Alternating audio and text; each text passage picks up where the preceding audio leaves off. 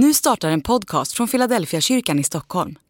Om du vill komma i kontakt med oss, skriv gärna ett mejl till hejfiladelfiakyrkan.se.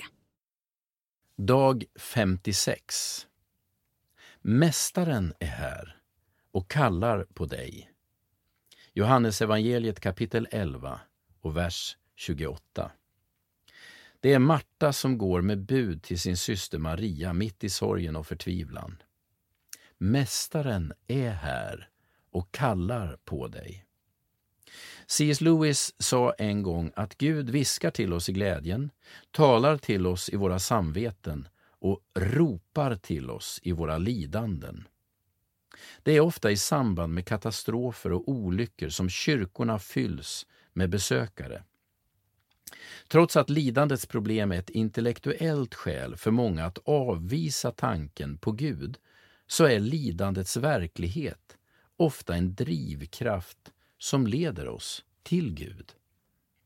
Budskapet till dig som brottas med lidandet och sorgen är precis samma som Marta säger till sin syster. Mästaren är här och kallar dig till sig. Jesus är inte upphovet till lidandet. Han är Guds svar på lidandet. Även om han inte har fullbordat allt han kom för att göra, så är hans närvaro ett löfte till dig. Ännu ligger delar av det Jesus kom för att göra i framtiden, men redan nu vet vi vad det innebär. Hans närvaro i våra liv är som en handpenning på att historien kommer att gå vår väg. Det vi säger till varandra är att Mästaren är här och kallar på dig. Som en sörjande syster till en annan berättar vi om att Jesus finns mitt i vår sorg med ett löfte om en annan verklighet. I väntan på att den verkligheten ska bryta igenom i full kraft vilar vi i hans närvaro.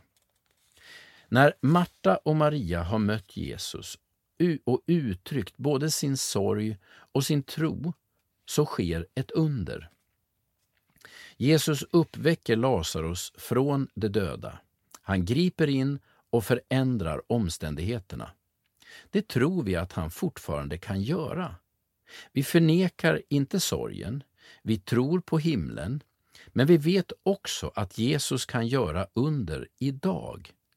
Då och då griper han in och botar sjuka kroppar och förvandlar omständigheter. Därför ber vi för sjuka människor varje vecka i tron att Jesus kan hela. Vi ber för omständigheter som verkar omöjliga i tron på att Jesus kan göra under. Vi lever i en situation som en teolog har beskrivit med orden ”redan nu, men ännu inte”. Vi kan inte lösa hela ekvationen om helande. Varför blir vissa friska som svar på bön, men inte andra? Varför ger Gud ibland de små bönesvaren, men inte de stora? Jag kan inte ge svaren på alla frågorna, men jag vet att Jesus kan göra under. Andlig övning. Våga be om att Gud ska göra under. Bestäm dig för att räkna med Gud på ett praktiskt sätt i din vardag.